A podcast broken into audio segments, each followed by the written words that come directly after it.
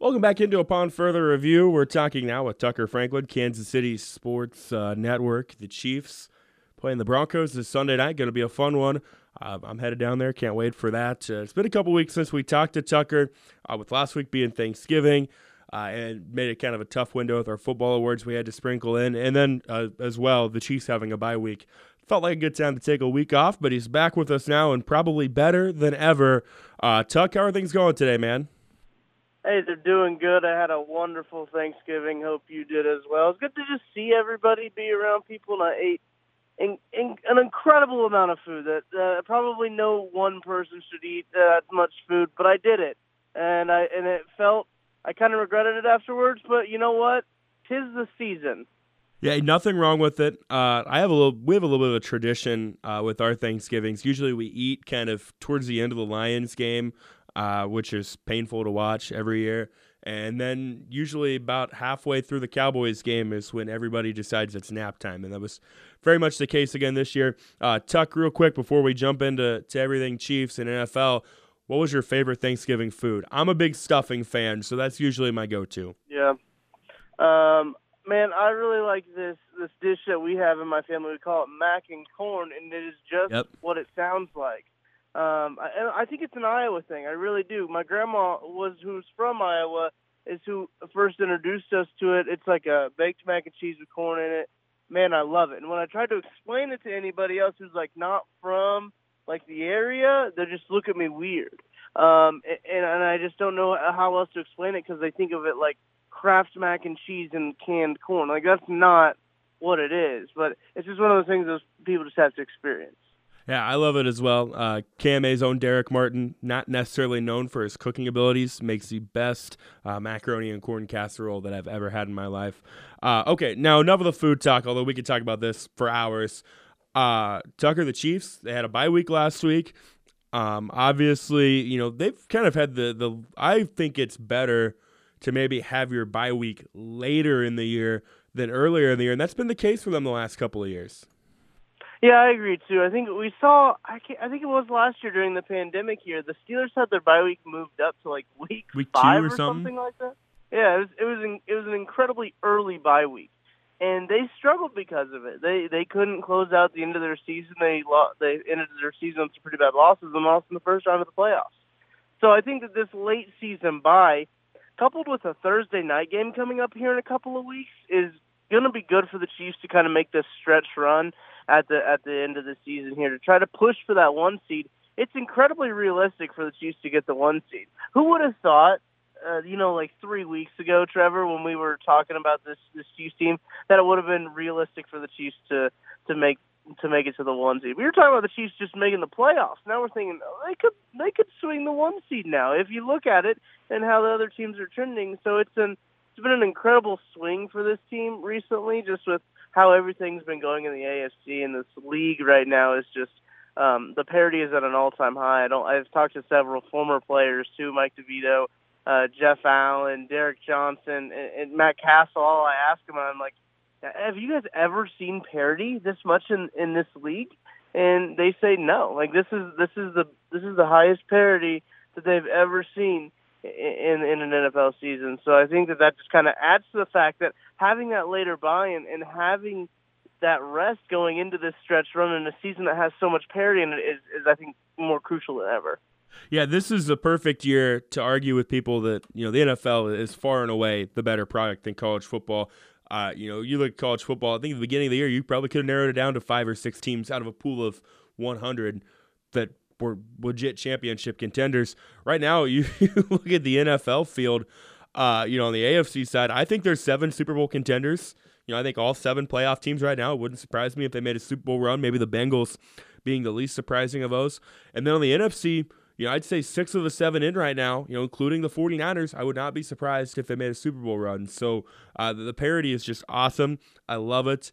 The Chiefs right now, they're the four seed, but as you mentioned, Tuck, they're really only a game and a half out of the one seed. And had Baltimore, you know, had they beat Baltimore earlier this year, you know, and Clyde Edwards-Helaire not fumbled, they would be the one seed right now. So they are still very much in play uh, in the AFC. And uh, Tucker, I, I think in a year where we've seen so much kind of wildness and so much parity.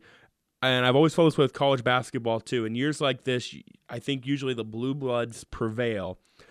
I and maybe I'm wrong, but I think when I look at you know how things might shape up in January, I think on the AFC side it's kind of trending Chiefs, Patriots, and on the NFC side probably Packers and Bucs. You know the three best quarterbacks right now in the NFL, and the best coach. I, I think will be the ones that prevail.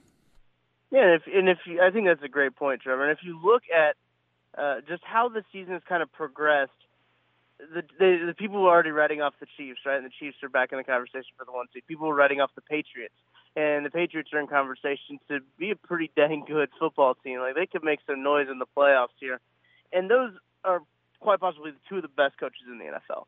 Uh, and so you just start to look at it, and you're like, okay, coaching has prevailed in this kind of chaotic season.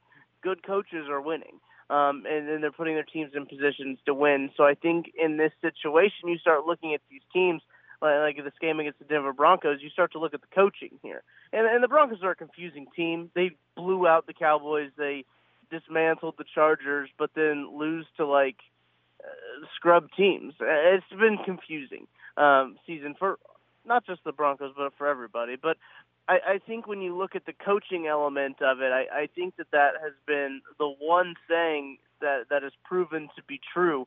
I guess in the season, as, as a good coaches seem seem to win. It's with Tucker Franklin, Kansas City Sports Network. Uh, yeah, like I, I think it that's going to be what prevails. I've been known to be wrong before. Tucker, real quick before we dive into this Broncos matchup, though, you know we've touched on the Patriots, we've touched on the Chiefs, you know, kind of the, the teams that we expect to be there. Who do you think maybe is the one team that we aren't talking about enough that could make some noise? For me, I think it's San Francisco. Mm. That's a good question, man. It just it all depends on health too, is the thing because the Cardinals looked really good before Kyler Murray's injury, and they were still winning some games with Colt McCoy at quarterback, and and I, and I really do enjoy that team. And like you mentioned earlier, I really think any team in the AFC could I could I wouldn't be upset, or I could see them making a run at the Super Bowl and being the Super Bowl uh, team for the AFC. So it's it's one of those things where, uh, and I do think it's the Patriots we kind of weren't aren't talking about enough. I think that that's kind of it. But now that seems to be the hot team right now, right? That seems to be the it team. But I think that that Mac Jones has been playing well. I believe just won AFC Rookie of the Month, and he he he's been playing better than I thought he was going to. I'll say that up front, but. Um, kind of scared of the Patriots at the moment. Yeah, that's the team that uh, I'm the most scared of, and I know the Bills clown the Chiefs, the Titans clown the Chiefs. Uh, but I wouldn't mind seeing those matchups again. Yeah, I think Kansas City's a better team now than than they were at that time.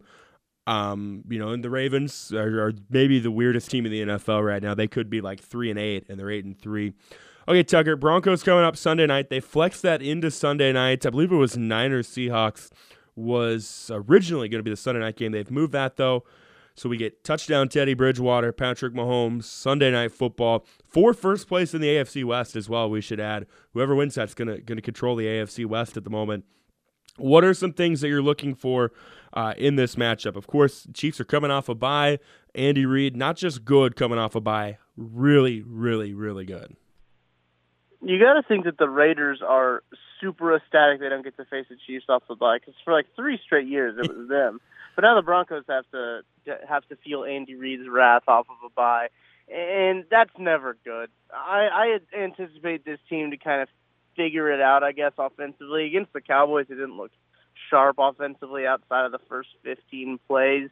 Uh, and that, that seems to be a trend this season where the Chiefs look really good on the first or first and second drive, um, and then they just kind of fall flat after that. But I, I anticipate this to be a little bit different, especially coming off a week, it being a divisional game. Andy Reid's the type of coach who's not going to show a whole lot on film, right? Uh, once uh, once he knows the divisional game is going to come up, so we'll we'll see a bunch of different looks we hadn't seen yet this year, just because that's how Andy Reid operates. It's the Bel- Belichickian in him. I guess you could say a little bit, but that's that's what he does. We'll see some new looks. I'm I'm not really too worried about this game in all honesty, uh, just because of it is coming off a bye week. I feel like the Chiefs are in a really good spot right now. They got their swagger back. It feels like everything feels right if that makes sense. I don't know. Maybe I'm going off my feelings too much, but it just feels like the Chiefs team of of old. I say of old, but of like I guess 2019, uh, where you got Patrick Mahomes in your corner, and that's really all you need. Defense is playing incredibly well. Um, I really want to hear a little bit more about Rashad Fenton's injury. I don't anticipate him to play this week, but um, I think that that L'Jarius Sneed has been tackling well in space. I, I really anticipate Steve Spagnuolo to dial up that pressure still, kind of get some heat on Teddy Bridgewater, and and see if he can make him make mistakes. And the Chiefs, once they do get those mistakes, got to capitalize on them. Couple of, of stats, Tuck, and one I think you know actually means something for the game, and the other one hopefully doesn't mean anything at all. But coming off a bye, Andy Reid, twenty six and six overall. That's counting postseason and then the bye in between Super Bowls as well. So 26 and 6, 19 and 3 in the regular season. Overall, 10 and 4 in Kansas City. His only regular season losses off of byes were to the Broncos in 2013, which that team was was really really good as we remember uh, until the Super Bowl, and then to the Giants in 2017, which I've tried to erase that game from my memory. Uh, one other note, as I mentioned, I'm going Sunday. They're three and seven in games I've been to in my lifetime, so that doesn't have anything to do with it, I don't think. But hopefully they can uh, reverse course and get a win. They are nine and a half point favorites. I saw uh, as a line last night, so looking forward to that again. Broncos Chiefs. Uh, this is a great time for of the NFL season as we get into December, and the games really start to you know kind of up the ante, and it's going to be fun to follow. We've got an extra week of it as well this year. It's Tucker Franklin, Kansas City Sports Network. Tucker, we always appreciate the time, my friend. Thank you very much, and look forward to catching up with you again next week. Yes, sir. Always a pleasure, Trevor.